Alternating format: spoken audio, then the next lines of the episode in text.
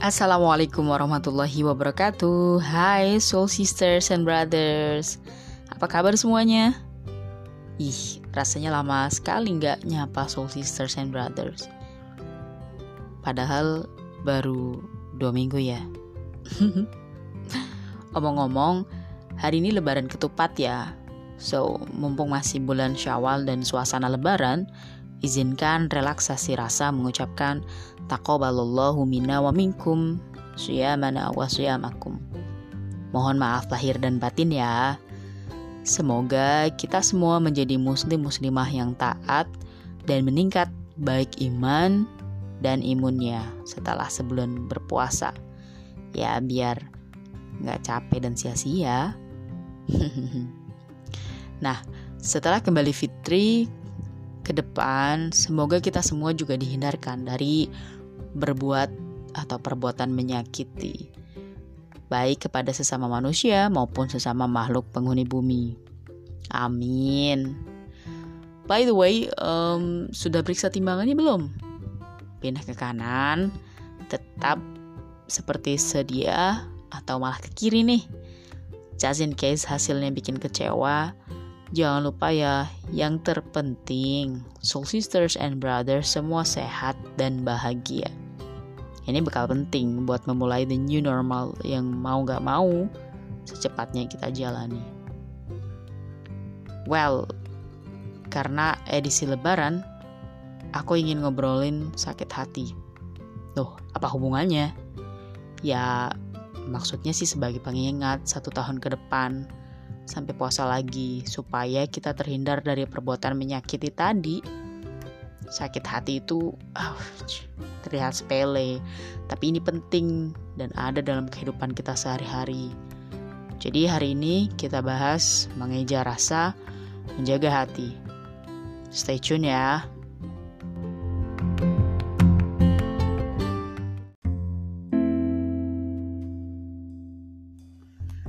Jadi temanku ini baru baru aja melahirkan.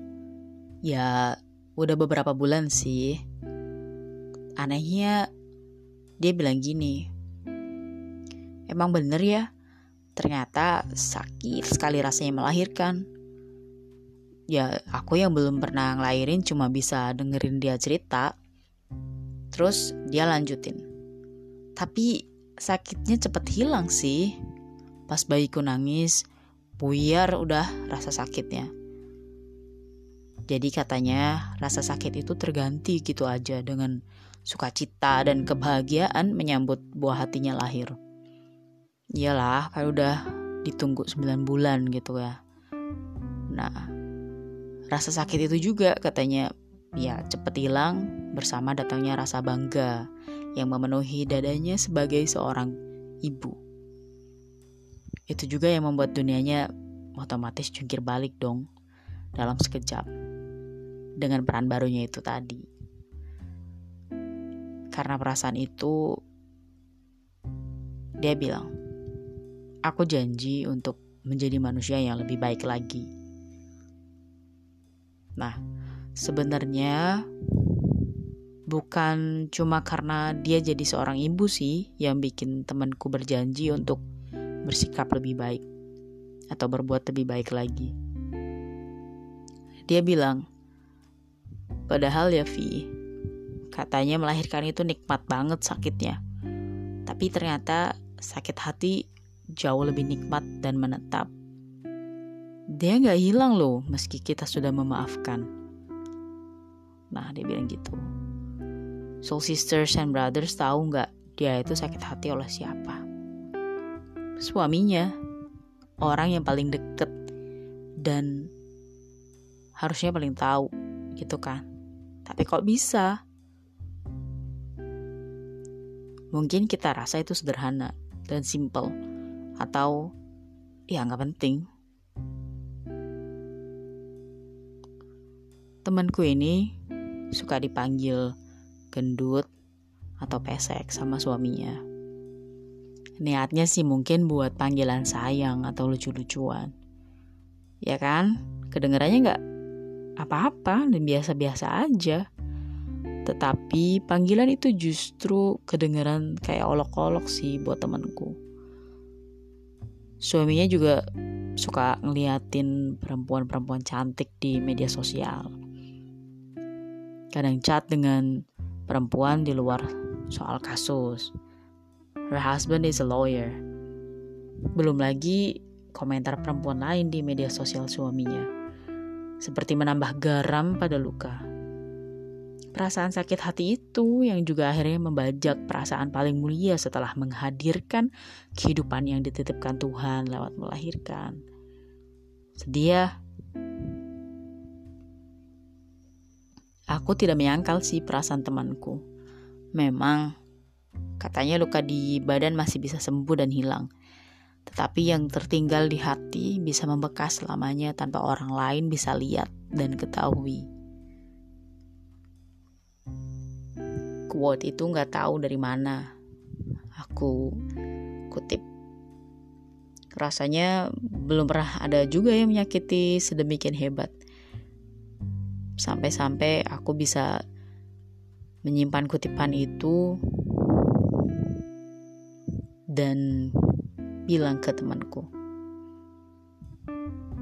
Melahirkan juga belum pernah terjadi. Jadi aku gak bisa bandingin rasa sakitnya gimana. Tapi kan kata ilmiah bilang gitu. Jadi ya aku sampaikan sebatas untuk menghibur temanku. Tapi iya sih, I can relate that. Panggilan gendut dan pesek itu menyebalkan. Serius.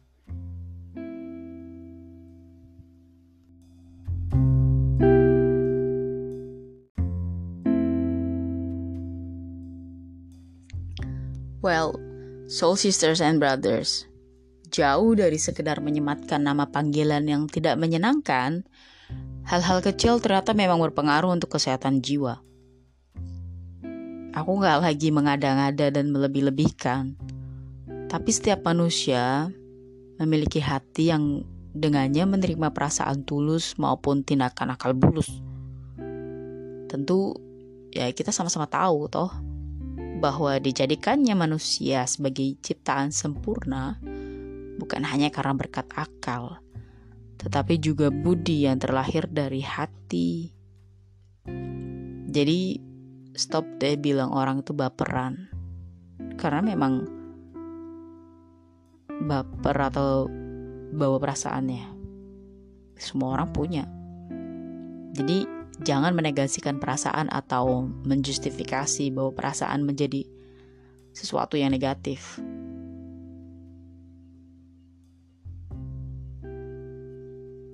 Aku sering menyeluarkan ini dalam puisi-puisiku atau sekedar caption di unggahan Instagram.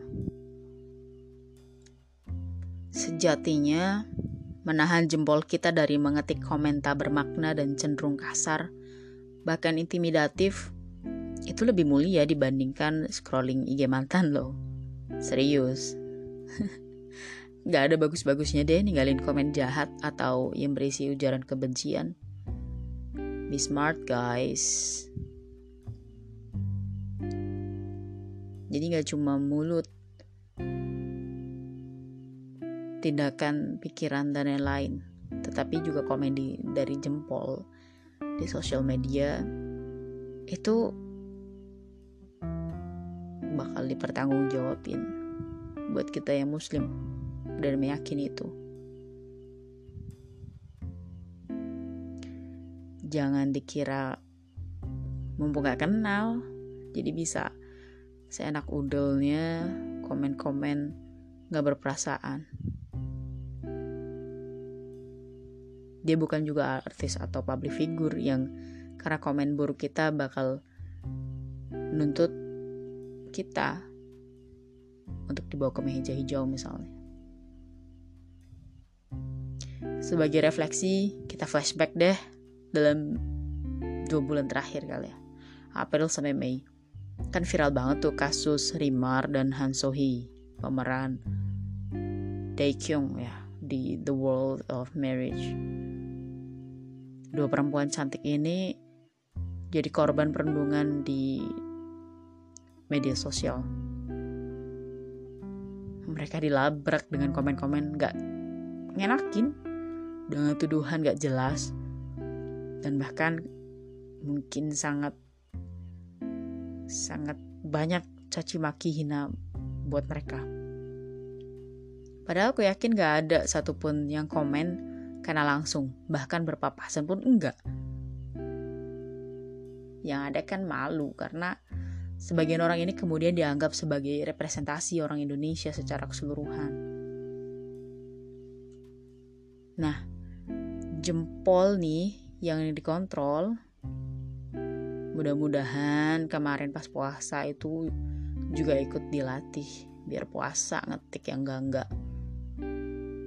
Dan itu berlanjut sampai seterusnya. Rimar boleh jadi bukan berasal dari kalangan selebritas yang kehidupannya biasanya jadi konsumsi publik. Dia itu cuma sipil, kayak sama kayak kita yang pakai sosial media tapi ya nggak bisa menghentikan komen gila datang buat dia. Hanya karena dia cantik. Hanya karena dia terlihat menarik. Itu bukan dosa loh.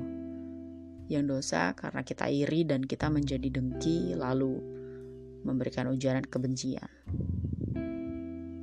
Nah, lebih jauh ke belakang, kita flashback lagi. Di Korea, ada beberapa aktris penyanyi yang memutuskan untuk mengakhiri hidup. Disinyalir mereka sempat kena depresi akibat dirundung sama netizen. Gila kan? Cuma gara-gara komentar jahat di sosial media bisa ngena loh ke ulu hati. Jadi stop deh bilang baperan atau hal yang semacamnya. Karena nggak semua orang punya kemampuan sama untuk mengolah emosi. Ini bukan cuma berlaku buat korban yang menerima caci dan maki di internet. Lebih utama ya buat paku yang memberikan ujian kebencian. Karena kecerdasan emosi itu yang seharusnya dimiliki sama orang-orang yang mencoba untuk melampiaskan emosinya dengan cara negatif dengan komen buruk. Aneh kan? Mentang-mentang gak kenal jadi gak ngerasa udah ninggalin komen jahat. Apalagi gak follow. Besok juga lupa tuh komennya di mana. jadi kayak orang marah-marah ya. Tapi asli. Aku tuh beneran geram gitu. Dan eh geram sama hal-hal kayak ini komentar itu ber berperan besar atau punya andil besar di sosial media dan kehidupan realitanya. Aku emang gak aktif di banyak sosial media, di banyak platform. Paling Instagram, karena masih sering buka untuk cari inspirasi. Atau di Pinterest, cari gambar, inspirasi foto. Kalau di Twitter, Facebook, dan lain-lain, apalagi TikTok, aku nggak punya kreativitas untuk hal-hal kayak gitu. Aku nggak menyalahkan mereka atau menganggap lebih rendah ya. Aku nggak punya kreativitas kalau aku nggak aktif di platform sosial media. Bahkan pas awal-awal itu sebenarnya aku di Instagram lebih banyak follow akun akun orang berkebun di luar negeri atau review buku. Gak ada teman-teman yang aku kenal yang aku follow dan sebaliknya. Justru senang banget di awal-awal itu, karena kerjaannya cuma komen-komen baik kayak dan bertanya tentang bagaimana mereka berkebun menanam ini. Apakah baik kalau kita nyiram tanaman pakai air limbah yang mungkin ter, ter tercemar dari pabrik dan lain-lain. Jadi pure hanya sebatas pujian jadi melebar ke mana-mana nih. Intinya sih, let's be honest to ourselves. Kita nggak mau ada yang disakiti atau dijahati dalam bentuk apa pun. Even cuma perkataan atau omongan. Jadi, let's behave. Jadilah orang yang nggak menyakiti. ini mungkin sulit karena kita nggak tahu kadar emosional orang dan kecerdasan emosi setiap orang. Tapi seenggaknya kita tahu mana yang menurut norma umum itu buruk dan baik. Makanya, ayo kita aja rasa dan menjaga hati.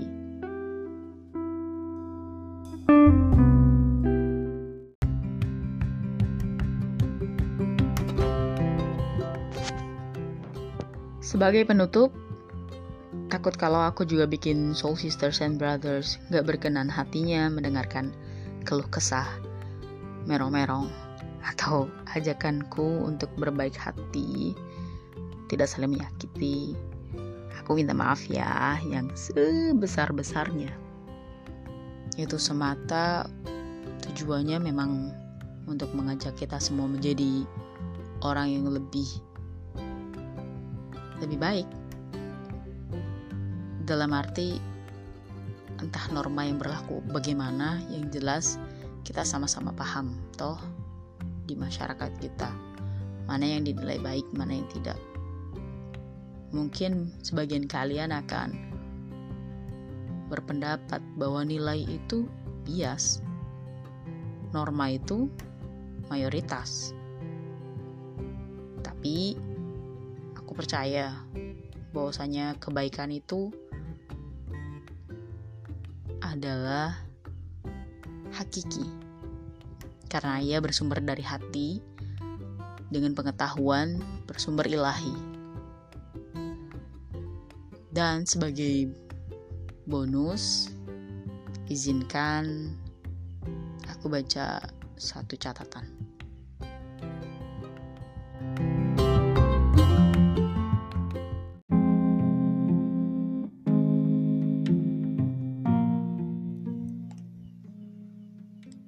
menanam kebahagiaan. Ada orang-orang yang lama tak kau jumpai, tetapi doanya untukmu tak pernah berhenti. Mereka yang mungkin kau lupa wajahnya, tapi tak kau hilangkan jasanya. Bertebarnya senyum-senyum yang saling menyinari hari-hari orang-orang yang bahkan tidak saling mengenali. Perhatian-perhatian kecil yang membuat sedih bukan lagi hal berarti, atau kebaikan-kebaikan yang mengalir meski tiada kamera tersembunyi. Lantas, jika ada hal-hal indah bernama cinta, kenapa harus membenci? Jika ada kemurahan tanpa pamrih, kenapa juga mesti menyakiti? Bila lebih mudah menciptakan kehangatan, kenapa susah payah buat marah hati? Pekerti memang tidak dijual dan bisa dibeli, tetapi ia berkat yang bisa kita tanam sejak dini. Tidak masalah sekali dua kali buat salah. Yang keliru jika lantas kita sumarah, pasrah, menyerah.